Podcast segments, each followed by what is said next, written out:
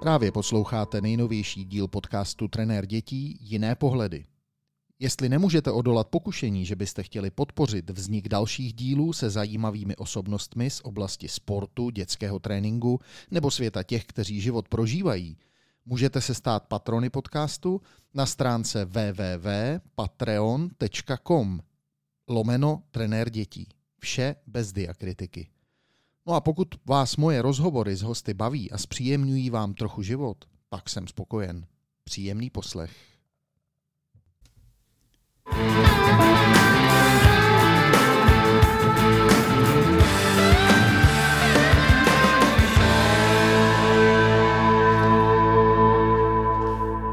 Vítám všechny příznivce, kamarády a přátelé eh, podcastu Trenér dětí jiné pohledy. A dnes vítám u mikrofonu e, dalšího hosta, už 51. Teď se o tom zrovna tady spolu bavíme, že je to strašná porce už, takže zaprvé vám teda děkuju, že posloucháte a vítám tady 51. hosta Petra Koska. Jo, ahoj všichni. Čau Petře. Tak sundávám sluchátka a budeme zase pokračovat bez sluchátek, protože je nám to všem příjemnější vždycky, když, jo, je když to sundáme sluchátka. Je to takový normálnější. Mě s těma sluchátkama se vždycky přijdu, jak eh, když jsem rozhlasový reportér a to já teda fakt nejsem. Eh, Petr Kosek, co bych tak o tobě řekl? No, o tobě se nejlíp dá říct, že seš, já ti řeknu, jak jsem si tě já sám jako e, určil, jo? ty seš prostě chodec dlouhých tratí pro mě, a, tak já jsem si tě jako zaškatulkoval. Jo? A já s chodou okolností před chvilkou jsem natáčel rozhovor s e, Honzou Kopkou. A Honza Kopka je e, zase jezdec dlouhých tratí, takže já mám v jednom dni dva naprostý extrémisty a totální blázny pro mě. Jo. A teďko možná, že mě během toho rozhovoru trošku vyvedeš z omylu, e, protože Honzovi už se to lehce povedlo a ty mě možná jenom jako, jenom jako dorazíš a zjistíme, že vy jste normální a ten Magor jsem já. Jo. Tak uvidíme, jak to bude. Tak. Takže eh, proč chodec z dlouhých tratí? Protože ty jsi vlastně eh, první Čech, eh, který dokázal, eh, dokázal získat tu zlatou korunu, je to tak nebo není? Jo, ta Triple Crown. Triple Crown. Vypadá to tak, no, že vlastně Triple Crown je takový ocenění za projítí tří nejdelších světových treků. A jako trošku jsem i hledal, hmm. jestli se to někomu podařilo. Samozřejmě eh, doba předinternetová má svoje šampiony, ale blbě se o nich hledají informace. Hmm. Zkoušel jsem to i s kamarádama právě eh, z West, což je organizace americká, která vlastně združuje tady ty pošuky, co hmm. chodí dlouhý tratě a ani ti teda nemají žádný záznamy, že by to někdo z Čechů proběhl mm, dřív. Mm, mm. A to je možná dobře, ne, že nejsou žádné informace. Možná ty lidi jsou jako šťastnější ve své podstatě, že si to udělají jenom sami pro sebe a pak to můžou vyprávět tak maximálně v hospodě, se o nich nic neví. Jako, já nevím, jo, cít... nejsou to závody, no. Jako... Jak ty to cítíš? Jako, že, že je ti dobře, když o tobě lidi vědí, že, že jsi to dokázal, nebo že se o tobě mluví? A nebo bys byl radši, kdyby se o tobě nemluvilo? Nebo jak, jak to vlastně vidíte vy, no, vy, vy, vy lidi, kteří to děláte, tyhle to věci? nehodnotil takhle. Hmm samozřejmě, když jsem zjistil, že něco takového existuje a že mám na kročínu k tomu to dotáhnout, tak už se mi to líbilo, jako, že jo, kdo, kdo to nemá rád být eh, hmm. aspoň občas v něčem první, hmm. ale určitě to nebyl cíl. Oni to nejsou závody a i když se ty ocenění rozdávají, tak je to vždycky takový přátelský setkání. Většina lidí se zná tam už hmm. z těch dlouhých treků. Není to nijak extra organizovaný, takže je to spíš přátelská záležitost než, než závody. Hmm. Tam vlastně se chodí kdykoliv, můžeš nastoupit na tu trasu, záleží asi jenom na ročním období, tak, a tvojí no. aktuální kondici, předpokládám, ne? Je to tak, jako třeba tu Stálo by za to říct vlastně, co to je za trasy, Určitě. co do té Triple Crown patří. To je přesně to, co jsem zrovna teď chtěl, tak je vidět, že si budeme rozumět při tom rozhovoru, protože můžeme si takhle nahrávat pěkně. Tak jo, tak jdeme na to. Pamatuješ si to z hlavy?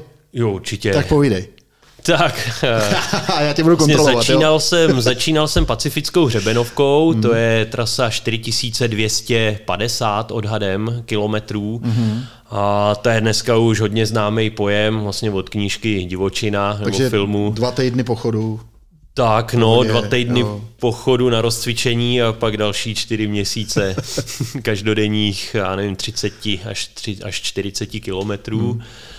Pak je to kontinentální hřebenovka, Continental Divide Trail. Hmm. To je trošku silnější káva, protože to vede uh, vlastně po střeše kontinentu, po hranici rozvodí, uh, skalistejma horama od Mexika až do Kanady, hmm. skoro 5000 kilometrů ve velký nadmořský vejšce. No a na závěr Apalačská stezka. Hmm. To je vlastně i nejstarší světová pouze pěší trasa. A tam má, myslím, jenom tři a půl tisíce, hmm. ale zase je to takový jako hodně vydatný stran eh, kamení, kořenů, deště. Hmm. Hmm. Takže A čím jsi začínal teda? tou pacifickou, Tou pacifickou. hřebenovkou. A to ani nebylo jako z touhy nějak extra chodit, ale vlastně v roce 2011 s tehdejší mojí přítelkyní Markétou eh, jsme chtěli co nejvíc času trávit venku a už nás dost unavovalo pořád někam jakoby jezdit na víkendy, na týden, pořád se balit, vybalovat, řešit práci, řešit volno a, a tak nějak jsme se oba sešli u té pacifické hřebenovky, že by bylo fajn to někdy zkusit hmm. a já to mám rád takhle, když se objeví výzva a něco trošku šíleného, tak jako na tom třeba rok zamakat, připravit se a, a, a udělat to. Hmm. A, a nám se líbilo, že je tady možnost být čtyři měsíce v horách a jenom jít a neřešit ty návraty, balení, vybalování. A vlastně s tím jsme do toho šli, takže my jsme to ještě pojali trošku pankově, jako bez hotelů, bez placení za ubytování, že jsme si řekli, jsme jako trampové, tak budeme čtyři měsíce jenom, jenom venku. Hele, a to tak dělají všichni, nebo je tam možnost mm. ubytování nějakého, jako odbíhat si z toho, z té trasy, nebo je, jak to tam dělají ty lidi? Tak běžně, běžně se to dělá tak, že většinou po každém nějakém tom úseku, řekněme pěti dní, hmm. člověk dorazí k nějaký buď silnici, kde dostopuje do civilizace, nebo dorazí do nějakého malého městečka, do národního parku, a kde, jsou, kde je možnost prostě hotel, hostel nebo nějaký ubytování. Mm-hmm. Dneska už v obrovský jede věc jako Trail Angels, mm-hmm. lidi, kteří nabízejí pomoc ale už, už to tak jakoby přerostlo, řekněme, v částečný biznis hmm. a, a už to není úplně tak čistoučký, jak to bylo, jako nadšená pomoc jo, takže, lidem, co šlapou. Takže i tam teda už dospěla taková ta, taková ta blbá civilizovanost, řekněme. Jo, bylo, bylo, bylo to s dobrým úmyslem, hmm. rostlo to s dobrým úmyslem, ale vlastně ta popularita díky knížce a filmu Divočina to úplně nastartovala na jinou úroveň. Hmm, hmm. No, takže dneska jako jsou na všechny ty traily podrobné uh, mobilní aplikace, kdy člověk ani nemusí vidět, jak vypadá mapa, prostě sleduje uh, pohyb svého bodu po červený čáře v aplikaci, hmm. předem se může podívat na fotky kempů, kde se dá přespat, uh, online si může objednávat zásobovací balíčky a vyzvedávání na trasu trase. Mm-hmm. Takže jako jde to udělat úplně punkově a jde to udělat téměř celý online, i když třeba jsem úplná i trnice. No. Hmm, takže... Takže, takže něco takového, jako, eh, když tak o tom přemýšlím podobně jako na, na, na, na Mount Everest eh, se dá dneska vylézt. Různýma cestama. Může tam vylézt kdokoliv, můžou ti tam vynést dokonce i eh, zlatý servis čajový, že jo, sebou a tak dále. No, možný tak nějak všechno. tak takhle asi probíhají tyhle ty traily. Tak určitě Bohužel. ta pacifická hřebenovka, která je dneska šíleně populární. Ten Continental Divide je ještě pořád dost punkový hmm. a ještě hmm. pořád bych řekl, že ho charakterizuje takový to okřídlený embrace brutality, že je to prostě trošku brutální. A e, takže doporučuješ lidem tam teďko ještě jako, pokud to půjde, tak rychle vyrazit? Jo, jako určitě je to životní zážitek. Hmm.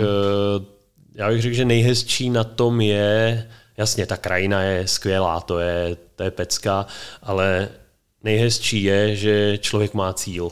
Hmm.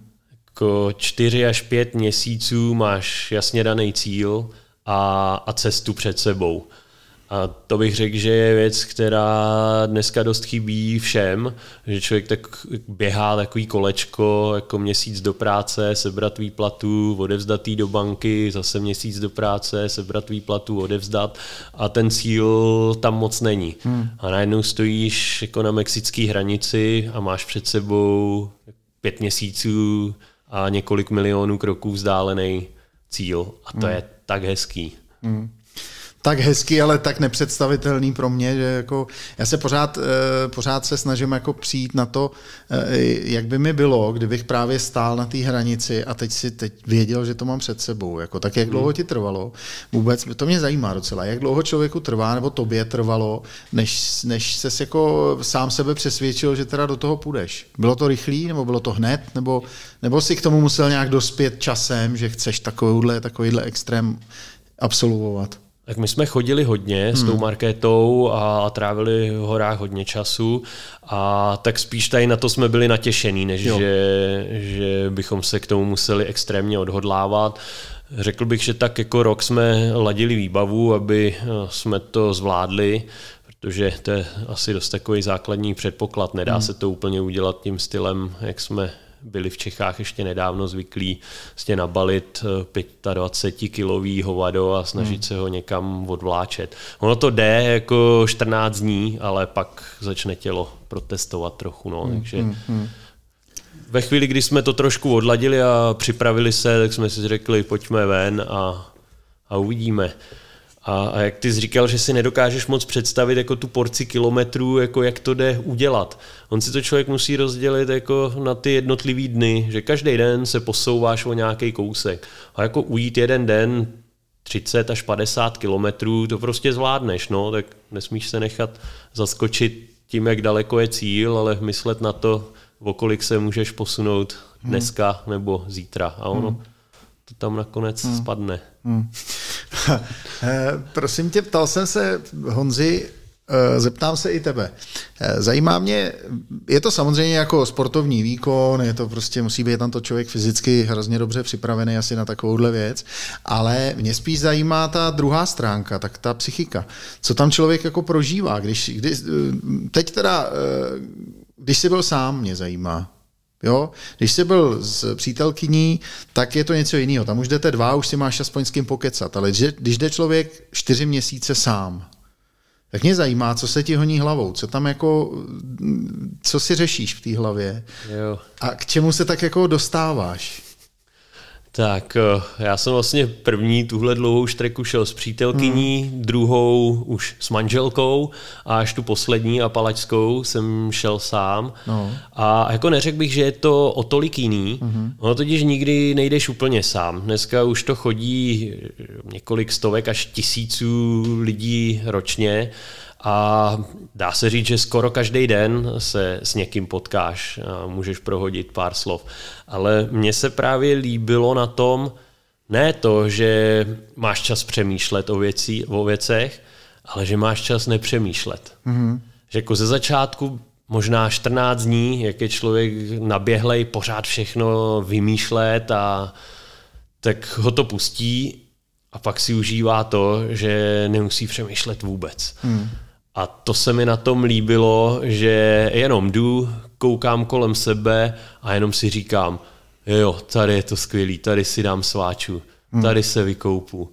A maximálně tak kouknu se do mapy a řeknu si, tak dneska to ještě popotáhnu o 15 kilometrů, protože tady ten hřeben vypadá na hezký západ slunce, tak hmm. tam se složím a už jako nepřekombinováváš ten život a nepřemýšlíš a oni ty věci plynou tak nějak sami a je to příjemnější. Takže to není takový, jako, jak se říká, že si jedeš někam jako vyčistit hlavu a že spousta lidí říká, potřebuju si vypadnout někam, vyčistit hlavu a srovnat myšlenky, tak ty jako během 14 dnů si je srovnáš a pak už to pouštíš a pak je pustíš, no. ta situace, kde prostě nepotřebuješ vůbec už nic.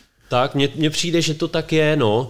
Že člověk ze začátku ještě se snaží něco vymyslet a pak vlastně zjistí, že nic vymýšlet nemusí. Hmm. Jdeš, spíš a jíš. Hmm. A na to jako zase tak moc přemýšlet nepotřebuješ. Pravda. A ten život takhle jde každý den. Jdeš, spíš, jíš, jdeš, spíš, jíš.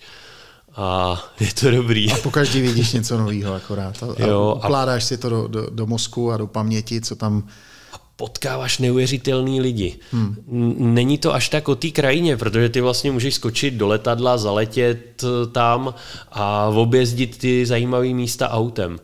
Ale je úplně jiný zážitek, když tam jdeš několik měsíců pěšky hmm. a, a pak tam třeba potkáš eh, mně přijde, že je dobrý na těchto trasách jsou jiní lidi proto, že každý, kdo tam je, musel vystoupit ze systému.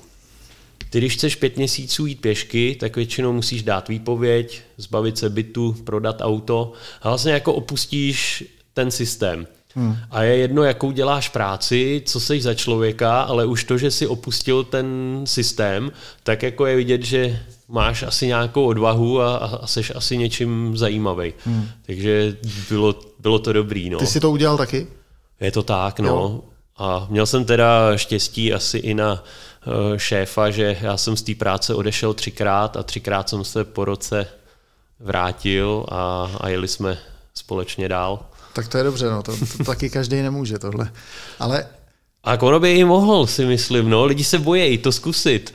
Hmm. A ve finále myslím si, že když odvádíš dobrou práci, hmm. tak není důvod, proč by tě nechtěli zpátky. Hmm. Že je to o tom se zamyslet, jako dělám pro tu firmu něco užitečného, jestli ne, no tak to možná není o tom, jestli mám odejít nebo nemám, ale hmm. spíš hmm. o tom, abych začal dělat něco užitečného. Hmm. Hmm.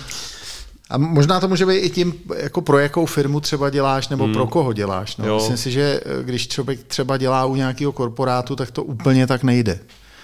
Nebo aspoň si Já myslím. jsem byl ve velkém automotivu, no. Jo? Hmm. Takže i tam to jde. Určitě. No vidíš to. Jo, jako tam potkáváš lidi, uh, profesory z Jelské univerzity, hmm. uh, lidi, kteří prodali za 100 miliony dolarů svůj startup uh, Google, hmm. Hmm. nebo tam potkáváš lidi, kteří byli 20 let na drogách a, a rozhodli se z toho vystoupit. Hmm. Jako hodně rozličný sorty lidí, kteří právě museli mít tu odvahu opustit svoje zaběhlé kolečko. Hmm a tím jsou zajímaví. Hmm. Můžete mě dát trenér dětí, třeba do vlasů. Hele, pojď, pojď mi trošku uh, teda srovnat ty tři, ty tři trasy. Uh, co se týče třeba, uh, mě zajímá jako hlavně ta příroda, zajímají mě třeba zvířata, jestli mm. je to, jsou tam velký rozdíly uh, v tom, co tam můžeš vidět jako, kdybych si já měl vybrat z těch tří, hmm. tak eh, co bych si asi tak jako vybral, by mě zajímalo. Tak, tak, Ty jo. Co kolik, tam kolik máme jako, času? Máš hele, dvě hodinky? Eh, já mám hodin, mně to je úplně jedno. Já, já potřebuji jenom prostě eh, nějak naladit teď. Jo. Tak, tak, tak mě laď. Hele, já mám teda všechny ty tři trasy rád, ale když bych to měl jako úplně zjednodušit, tak množství krásy na kilometr, tak je úplně nejlepší ta pacifická hřebenovka. Mm. Trhá mě srdce to říkat, protože tam zase vyrazí ohromadu víc lidí, mm.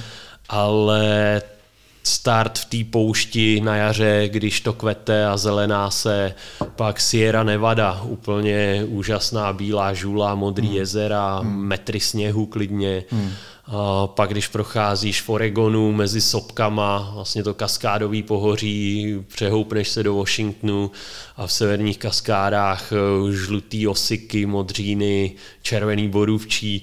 Jako je to každý den něco novýho a pořád krása, krása, krása. Hmm, hmm, hmm. No pak vlastně přichází eh, ta kontinentální hřebenovka, eh, Continental Divide, tam je to hrubší všechno. Počasí je mnohem rozmanitější, protože pacifická hřebenovka je na západním pobřeží, je to takový stabilní, klidně měsíc neprší, jako bývá hodně hezky. Mm-hmm. A až, až v tom září, říjnu se to začne kazit. Ten Continental Divide bývá brutálnější, no, jako od mrazů, po deště, vychřice, takže počasí je tam větší nálož. Eh, cestička není tak pěkně uhlazená, eh, není to dělaný pro koně jako pacifická hřebenovka, takže stoupání horší, klesání horší, značení bídný. A je to takový jako hmm. zajímavější, dobrodružnější a méně lidí vysoko v horách, není pokrytí. A to se mi na tom líbilo, že tam byl ten pocit dobrodružství plus teda v Kolorédu pozůstatky Zlatý horečky. Hmm. Že jak každý kluk asi četl no, nějaký jakože westerny a najednou procházíš těma místama no, po starý železnici, těma městečkama jako Creed, Leadville s obrovskou historií, tak to je pecka. No a... Ale jsou tam taky, promiň, jsou tam taky uh, takový ty starý, vyloženě jako starý třeba domy, uh, už vybydlený, a jako mi říkal třeba Honza na té Alešce, jo, že, tam, hmm. že tam kolikrát vidíš opravdu ty pozůstatky přesně taky ty zlatý horečky a po těch zlatokopech a že tam jsou, že přijdeš do místa, kde je jeden dům a potom v tom domě už je jenom trezor a nic jiného. A nebo že tam jsou místa, kde vidíš jenom pověšený třeba ještě kalhoty, kabáty prostě na, eh, na, eh, na, na šňůrách a nic jiného už tam prostě není a jenom to procházíš a, a ta historie na tebe dechne trošku. Tak je to to samý tam? Tady už to není asi úplně jako nechaný ladem, hmm. většinou jsou to skanzeny, ale zase právě jako úžasně zachovalý, hmm. že tam jak rychle to přišlo a třeba nevím, z osady o 20 lidech bylo během tří let pět tisíc lidí, hmm. tak tak to stejně rychle skončilo.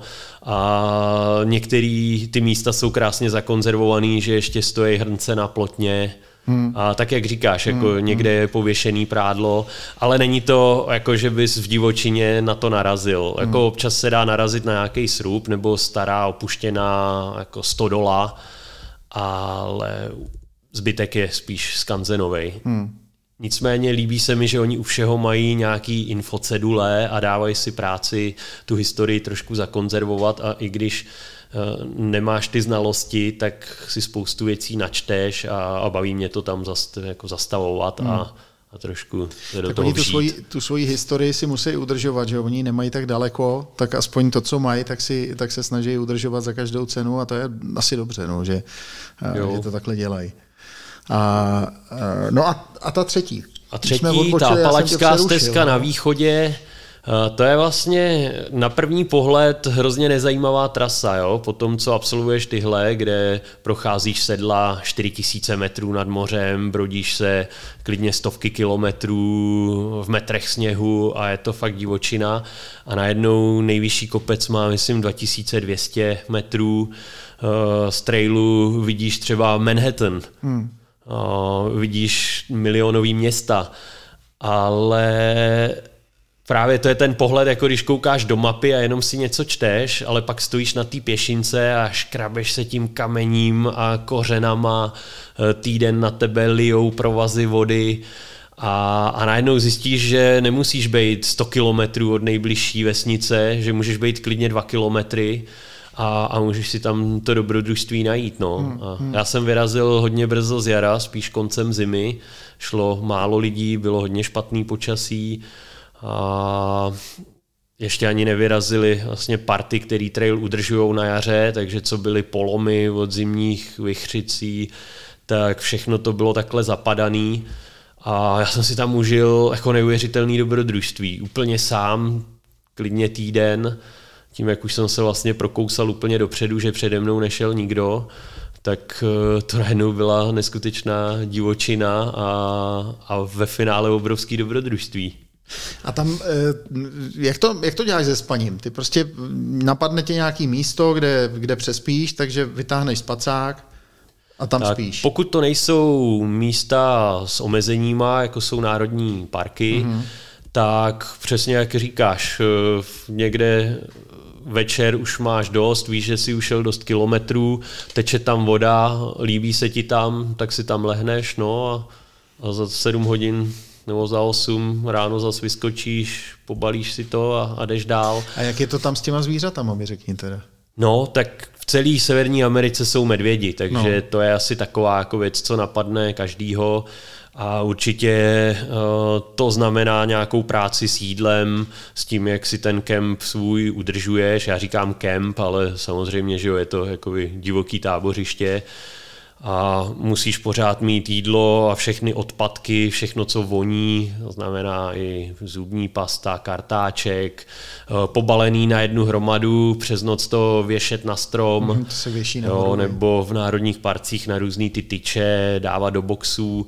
Takže určitě to stojí za to, že třeba na té kontinentální hřebenovce, tam od Yellowstoneu na sever už jsou medvědi grizzly hmm. a to je velký rozdíl proti černému medvědovi, že s černým medvědem se tak nějak dá ještě jako zápasit, eh, ten se dá odehnat, hmm. ale 400 kilový grizzly, když se rozhodne tě v noci ochutnat, tak tě prostě ochutná, tam hmm. s tím nenaděláš nic. No. Takže dodržovat nějaký pravidla, ale naše zkušenost zase je taková, že zvířata si hledějí svýho a pokud vyloženě neděláš něco blbě, tak tě nechaj bejt. Pramálo nepříjemných zkušeností. Jako víme o dvou lidech, který medvěd napadl mm-hmm. a bylo to vždycky proto, že ho překvapili se sluchátkama na uších, nedělali hluk, šli prostě mm-hmm. hustýma vrbama a, a když že jo, když vylekáš někoho, kdo je mnohonásobně silnější a je tam doma, tak proč by si to měl nechat líbit? Hmm, no. hmm, hmm. Sluchátka na uších, to mě, to, to, to jsi mě nahrál, uh, chtěl jsem se tě právě zeptat. Když jdeš, jestli jako používáš něco takového, jestli máš sluchátka, nebo jestli vnímáš právě ty zvuky té přírody a jestli to necháváš čistě na, na tom, co je kolem tebe. No tím, že jsem do té doby, než jsem vyrazil na první track, vlastně byl na vejšce a pak jsem pracoval v automotiv, mm. tak bych řekl, že jsem byl dost zahlcený informacema, tabulkama, uh, prostě hrozným tlakem na výkon a tak mi hodně vyhovovalo žádný sluchátka a, a pokud jsme šli teda s holkou, tak když chcem, tak se bavíme, když nechcem, tak jsme prostě ticho hmm. a poslouchat, co se děje. Já bych řekl, že to k tomu patří, jako k tomu zážitku, eh, nebejt odřízlej od zvuků. Mně to přijde taky takový jako praktičtější a normálnější. I když třeba jedeš na kole, tak mi přijde, spousta lidí třeba teď chodí běhat se sluchátkama nebo jezdí na kole se sluchátkama a já o tom vždycky tak přemýšlím, jestli jako je to správně nebo není, jo. jestli mně to nepřijde úplně jako standardní. Asi přijde, stran že, bezpečnosti víš, je i když hodně... jedeš na kole, tak mně prostě vždycky přišlo hezký, když jede, jedu na kole, slyšet to kolem sebe, i ten vítr, že jo, jak prostě jedeš a teď ti to švihá do těch uší a konec konců musíš mít, že jo, ten orientační, orientační smysl nemáš jenom očima, ale ty uši tam pracují taky, že jo. Tak si myslím, že ty sluchátka nejsou asi úplně ideál. No, po některých zážitcích z pouště, eh, že jo, kde jsou chřestýši, hmm. ono to teda není jen poušť, na pacifický hmm. hřebenovce je to dvě třetiny trasy, tom Continental Divide je to, nevím, čtvrtina, třetina, takže a ten chřestýš dá vědět prostě, ale když máš sluchátka, tak to nemusíš zaregistrovat a, a tam to může končit hodně špatně, no, takhle mm. bez pomoci. To samý ty medvědi, jako spousta zvířat dává najevo, že se jim to nelíbí a mm se sluchátkama budeš těžko reagovat. No. Ale zase chápu, na druhou stranu je spousta lidí, kteří nedokážou tu hlavu vypnout a pak uh, jsou ty sluchátka jako jediný způsob, jak ji umlčet. Že prostě jenom pasivně přijímáš a... Že si vlastně pomáhají tím... Tak. A proč ne? Jako každý si jo, asi musí najít. Zase mi říkalo eh, pár lidí, že poslouchá třeba podcasty, povídání takhle při běhání. Hmm. Což já jsem to zkoušel a úplně jako mm, mi to nejde. Jo, za prvé mi teda nejde běhání, to je jako první věc. A, druhá věc je, že mi u toho nejde poslouchat eh, jako mluvený slovo, člověče. Když jo? už, tak v hudbu, jo, nějakou, ale mluvený slovo nějak ne. A jsou lidi, kteří jsou schopní poslouchat třeba uh, buď podcasty, anebo audio nějakou audioknihu hmm. bez problémů, prostě u toho uběhnout 20 kilometrů. Ale nevím, no, já, já to nějak neumím. Nevím, jestli je to i odpor právě z automotiv, kdy máš furt v uších špunty těch strojů, tak jako si konečně ty uši odšpuntovat, ale hmm.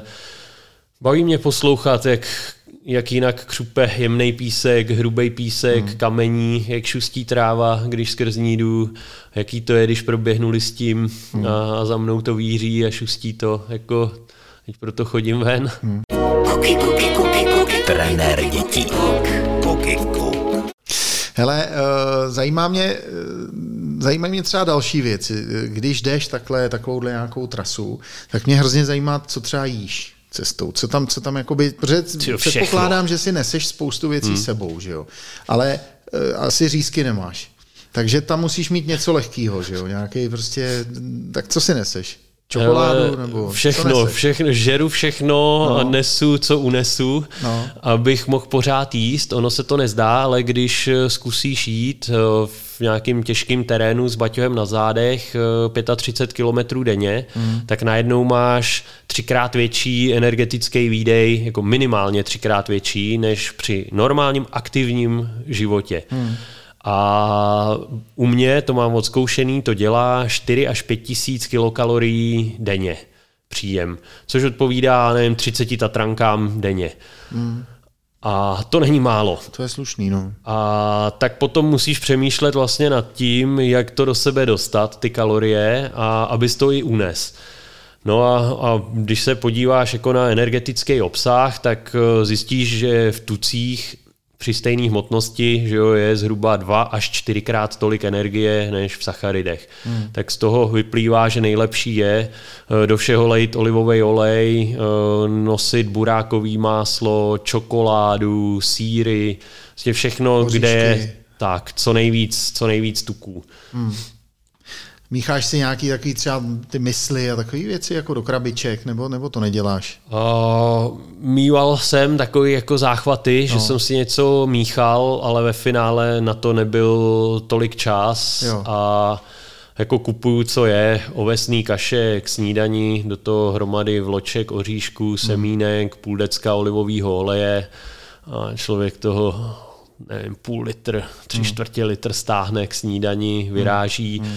a já prostě musím jíst průběžně. Že jo? No, když se na mě podíváš, hmm. mám 65 kilo, žádný podkožní tuk a já když jako se hýbu a hodinu nejím, tak začínám zastavovat. No. Hmm. Takže hmm. hmm. jím pořád. Hele, a maso jíš nebo nejíš?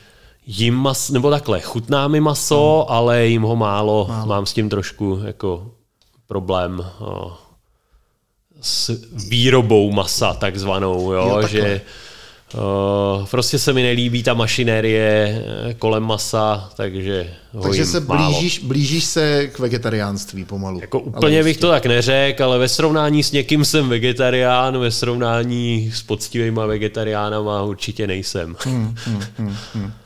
A, no, tak dobře, když už jsme u toho, tak mi řekni, co si myslíš třeba o veganství? Já, já, mě to úplně teď napadlo, jo? Ne, to je Aha. úplně jako mimo jo, ta otázka. Ale e, zajímá mě třeba tvůj názor na to, protože teď jsem to s někým řešil. Mně prostě přijde, že veganství se úplně vymyká všemu. A přijde mi to úplně Ale zvláštní. Ně, někomu jako. to funguje, no. Ale... Jako znám lidi, pro který to skvěle funguje a jako je to jediný způsob, jak zůstanou zdraví a, a funkční. N- nevím, uh, No je to asi o hlavě, no. no ne, ne, já jako ten princip toho veganství pořád nechápu. Jo.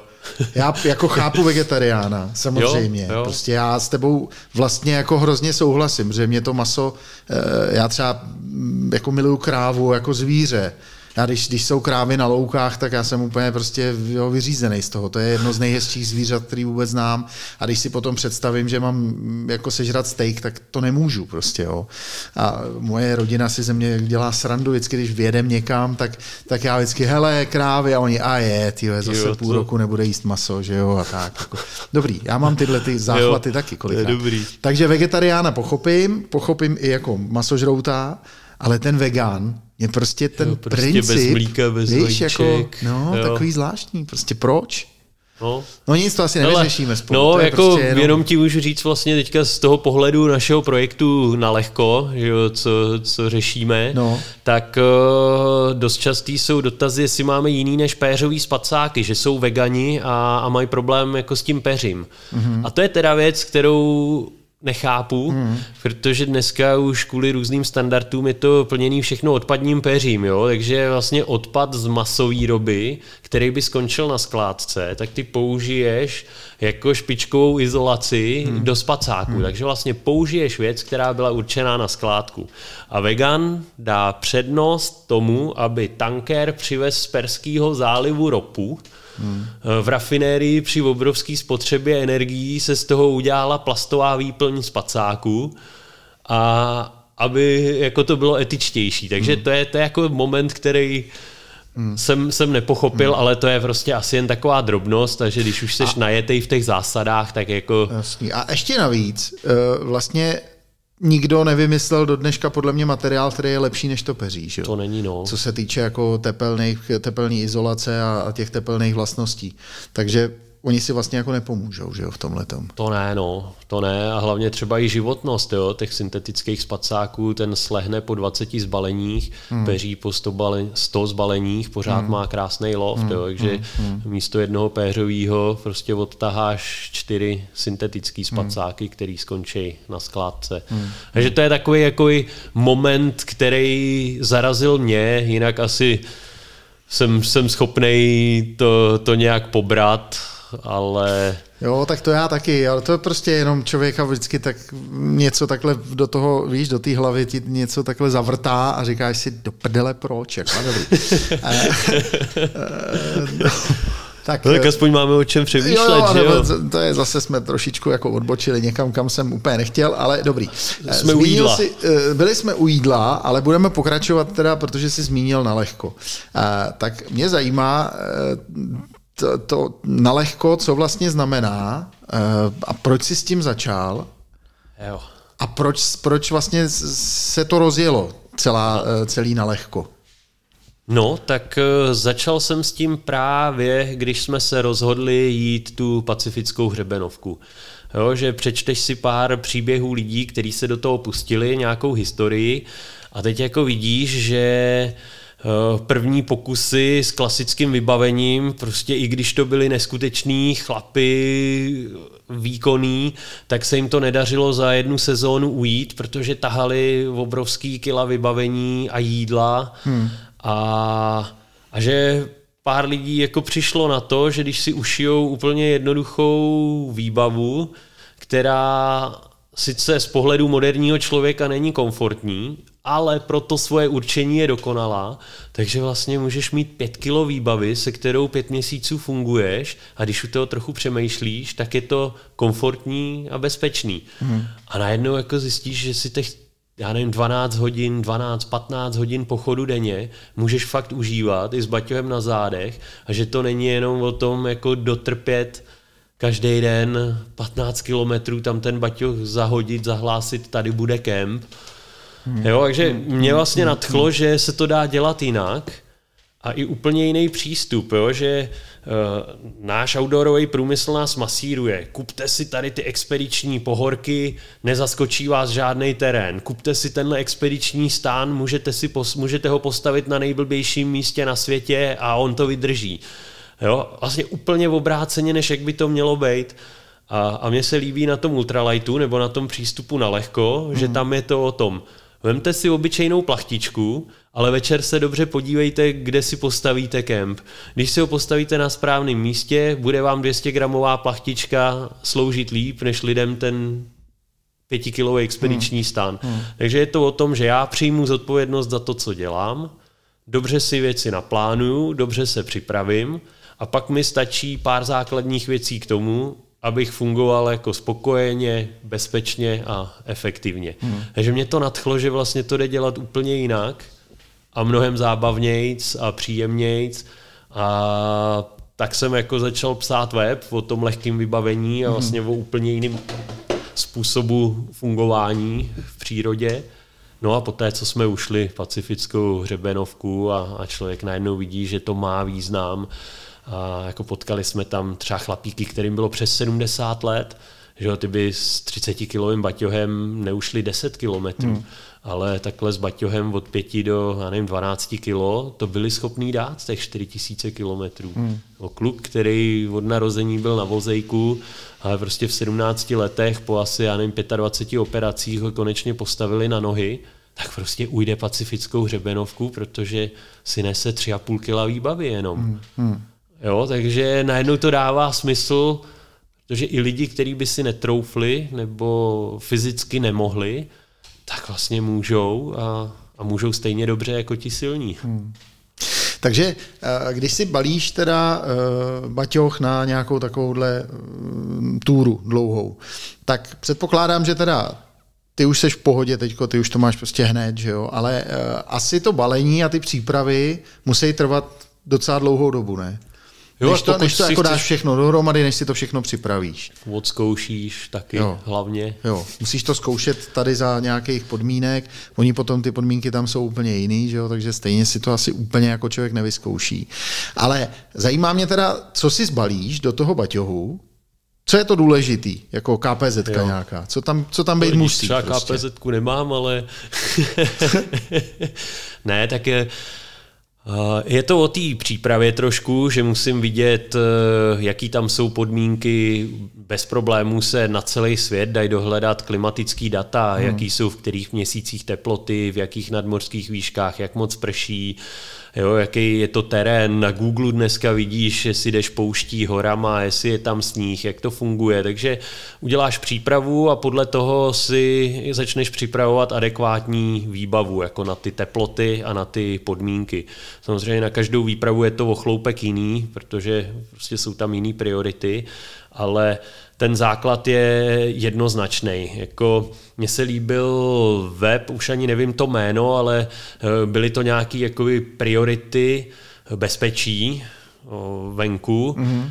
A, a bylo tam pravidlo, a teď nevím, dvou, tří, čtyř, já, já tomu říkám pravidlo tří, že jako jak dlouhou dobu jsi schopný přežít, když uděláš nějakou kategorii chyb, takže když tě zastihne nějaká nehoda, typu uh, zásah bleskem, uh, lavina, nebo já nevím, někde spadneš, tak seš prostě mrtvej do tří sekund.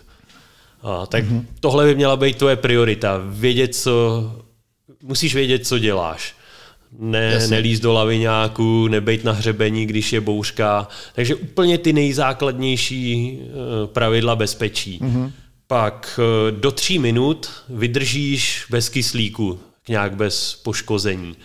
A tam teda patří nějaký utonutí, udušení, a nebo to, že ti někdo neposkytne první pomoc při nějaký nehodě. Mm-hmm. Takže když takhle vyrážíš na delší štreky, za mě bys měl vědět aspoň základy první pomoci. Když to budeme vědět všichni, tak máš jistotu, když se ti něco stane, mm-hmm. že tě nenechají mhm. umřít. Uh, zkusíš se neutopit, takže nějaký bezpečný, jako pravidla bezpečnosti při brodění, tak dále, vyhodnocení té situace. No a potom máš tři hodiny a to je jako odolávání extrémním klimatickým podmínkám. Eh, teplo při většině výprav, že jo, kromě pouští, jako není až tak zásadní problém jako chlad. Mm. No a vlastně, když se na to podíváš, co jsme si doteď řekli, tak nějaký nehody, první pomoc a teď teda další priorita, kterou ty můžeš zásadně ovlivnit, je ten chlad. Mm-hmm. Dokud jsi v suchu, nějakou fyzickou aktivitou nebo rychlým útěkem do bezpečí dokážeš vyřešit. A ve chvíli, kdy seš mokrej, nemusí být ani teploty pod nulou, stačí třeba ještě 5 stupňů nad nulou, ale fouká, máš mokré věci, hmm. za 20 minut sedíš na bobečku někde za klečí a nejsi schopný sehnout, hlava by chtěla, ale tělo se nehne. To známe z běžek, tak. že jo? Tak. Třeba. Jo, jo. Jo, takže tím je vlastně daná teďka priorita, co bys měl řešit stran svý, výba, stran svý výbavy. Zůstat v suchu. A z toho plyne střecha nad hlavou v noci, udržet suchý spacák a mít nepromokavý v oblečení, který udrží v suchu tvoje vlastně uh, izolační vrstvy. Mm-hmm. Takže ať jdu kamkoliv, i když jsou to ty pouště, i když je to léto, vždycky mám stan nebo tarp. Tarp je prostě jako, jako plachta, hmm. která mi poskytne ochranu před deštěm. Vždycky mám nepromokavý oblečení. I do pouští. Už jsme prostě zmokli v pouštích, zachumelili v pouštích. Hmm. A všechny věci v baťohu mám zabalený v nepromokavých obalech, přes baťoh pláštěnku. Prostě všechno musí být v suchu. Teprve potom přichází na řadu voda a jídlo. Vlastně bez vody vydržíš bez problémů tři dny, bez jídla tři týdny. Hmm. Jo, takže já vím, že lidi se strašně soustředějí na to, aby furt táhli pět litrů vody a, a bochník chleba, hmm. ale nemají v baťohu ani stan, ani pončo nebo nepromokavou bundu. Hmm. Což jako je vlastně úplně naopak. Takže nejdůležitější je stanovit si správně ty priority hned na začátku a poradit se nej, nejlépe s někým, kdo má ty zkušenosti. Tak. Když, už se, když už se chystám na nějakou takovouhle bláznivou akci.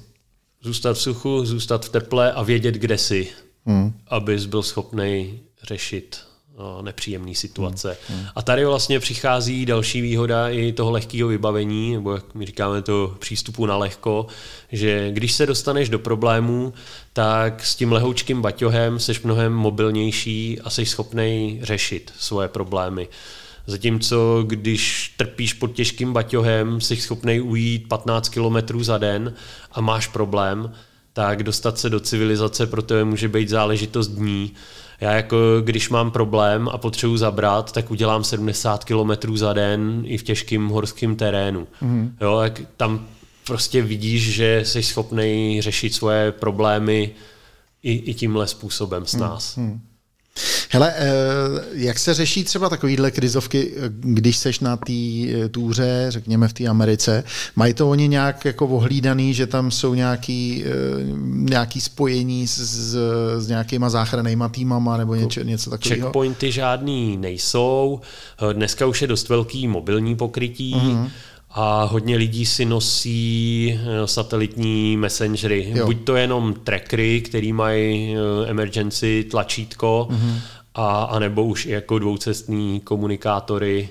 A, ale těch eh, situací je poměrně málo. Hmm. Jako fakt hmm. je toho minimum, že se lidi snaží aspoň trošku připravit, aby ty problémy nenastaly a je tam lidí tolik už dneska, že pokud neuděláš sakra velkou chybu, tak ti ostatní aspoň trochu jako hmm. ti pomůžou. Hmm. Není dobrý na to spoléhat.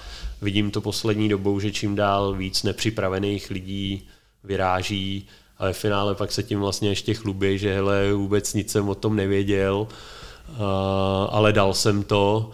Je pak potřeba říct, dal jsem to, protože jsem zapojil 500 dalších lidí připravených do akce. Hmm a, a prostě když tam budou všichni nepřipravení, tak jako nikdo nepomůže a bude to končit špatně. Jo? Hmm, že hmm. si hodně se jí umírá na těchto trecích poslední dobou hmm. a je to, je to zbytečný. Jo? Takže je to o tom, že lidi, lidi si prostě najednou chtějí jako něco dokazovat, chci si to dokázat a přitom je to bez přípravy všechno. A možná je to taková doba, no, no že je to prostě dobou, každý jako chce prostě dokazovat spoustu dalších věcí. Vidí to, jo, jo, vidím to na YouTube, vidím to někde na internetu, tak to dám taky, že jo, proč bych to nedal, když to dal on. A to je, se vracím znova, znova k tomu Everestu, že jo, který prostě dneska vlastně tě tam vytáhne Hmm. Vytáhnou, tě, vytáhnou tam kohokoliv. No, je to...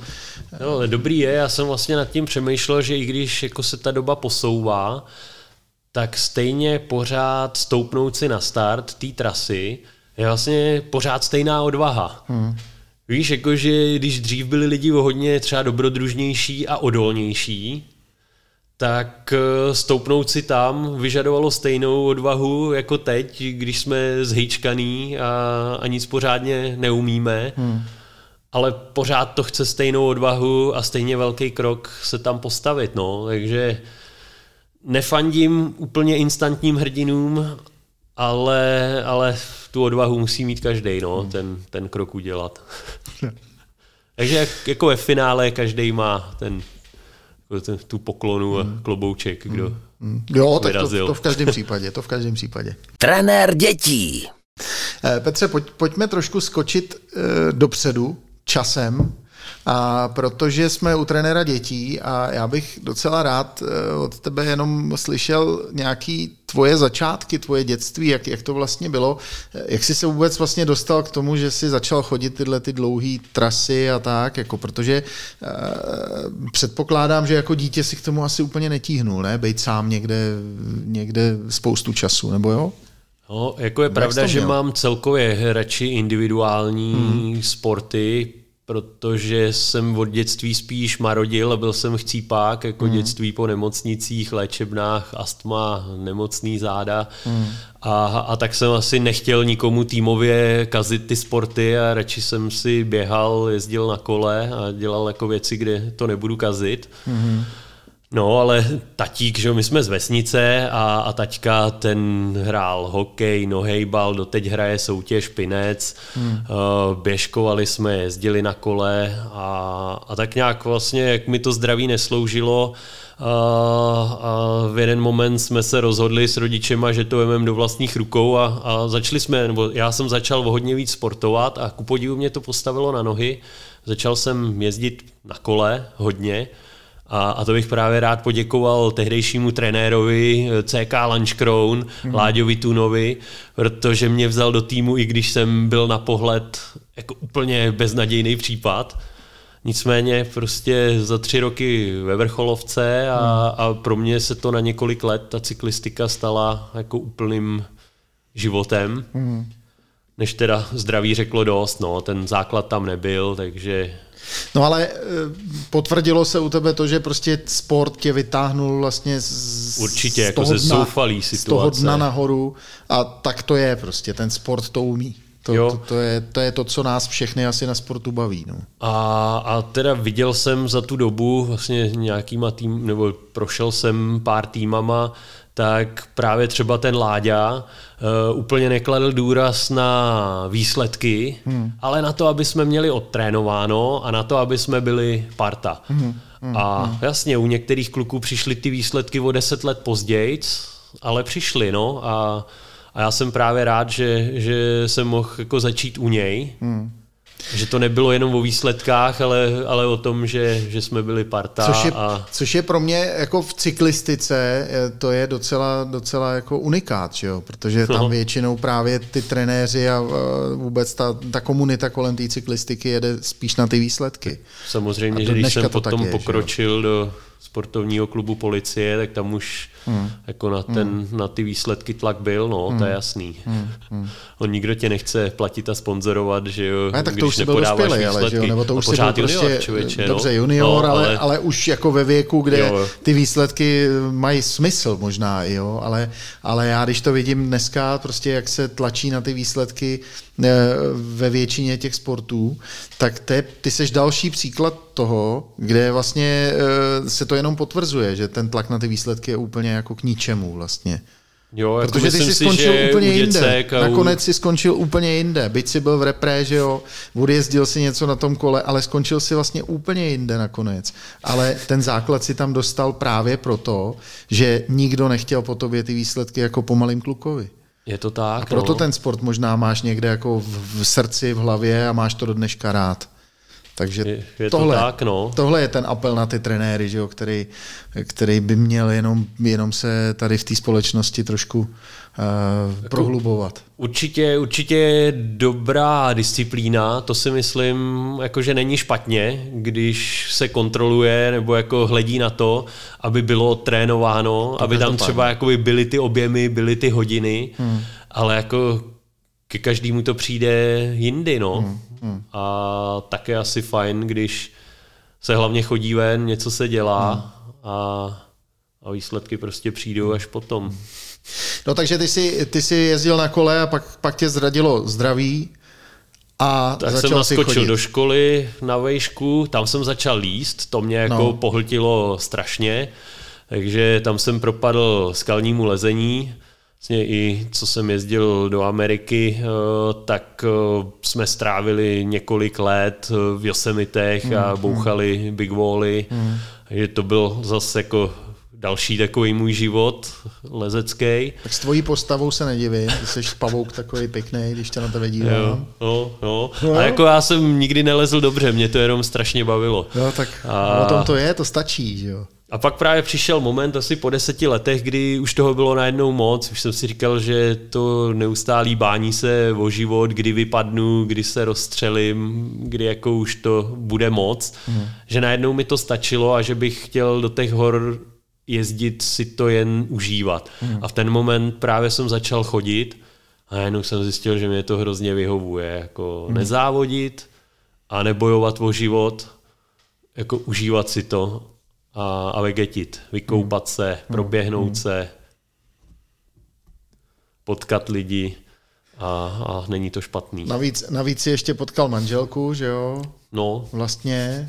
A Jo, a, vlastně a my jsme si, si, dceru jste si tam vlastně my jsme si po upekli, cestě, jo? ano, pořídili první naší dcerku, To je no. krásný, no. To je prostě... To je vlastně úplně úžasný, úžasná reklama na, na jako takový pohodový sportovní život.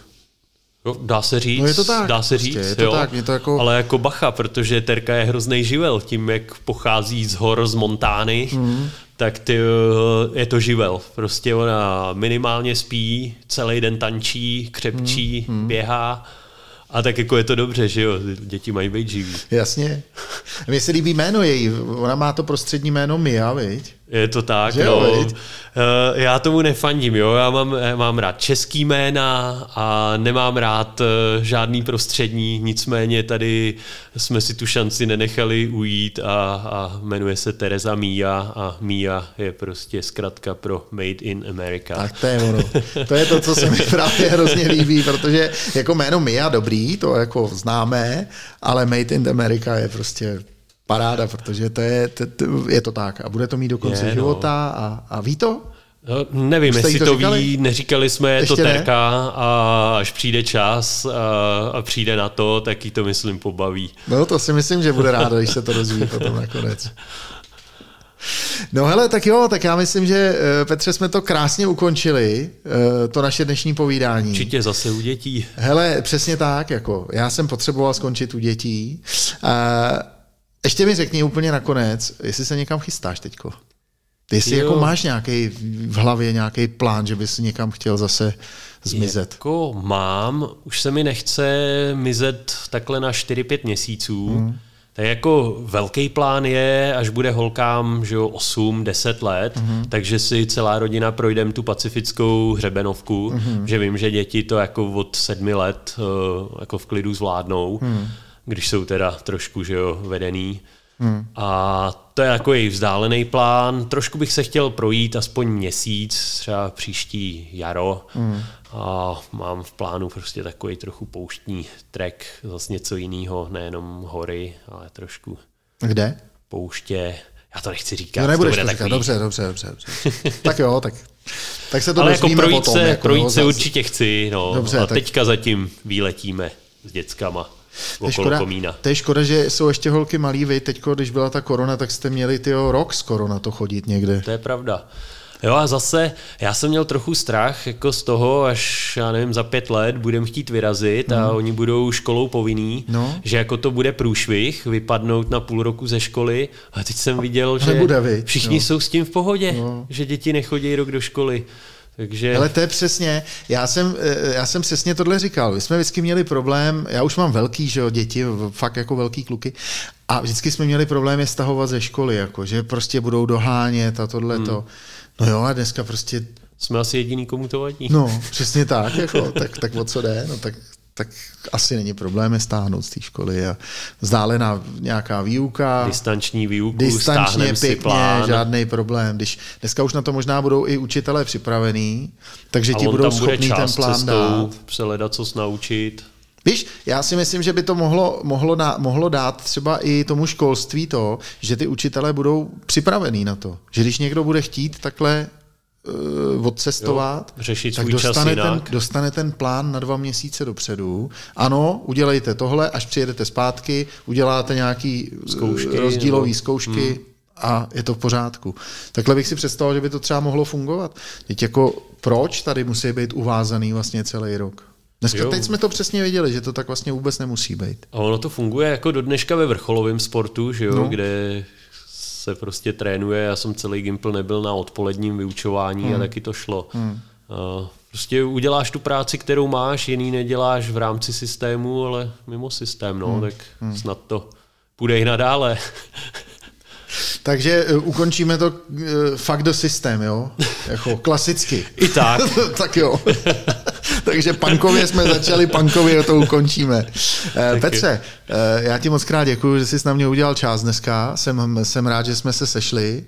A eh, tak ti budu asi držet palce, ať ti vyjde ta tajná poušť. No. Jo, to díky za možnost takhle oslovit případný pošuky, který vlastně hledají, co by mohli se svým životem udělat a třeba to někoho namotivuje se trochu vyvětrat. Kdyby se našel nějaký takový pošuk, tak se ti určitě může ozvat. Určitě nakouknout na, na lehko.com a Na lehko.com. tam si můžete přečíst tady eh, příběhy vlastně z těch cest a po případě nabrat inspiraci i, i na výlety tady po Čechách a Perfektní. Tak jo, tak to byl Petr Kosek. Já ti moc krát děkuju. Měj se krásně, hezký léto a bez tak, korony. pěkný den i vám. Ahoj. Čau.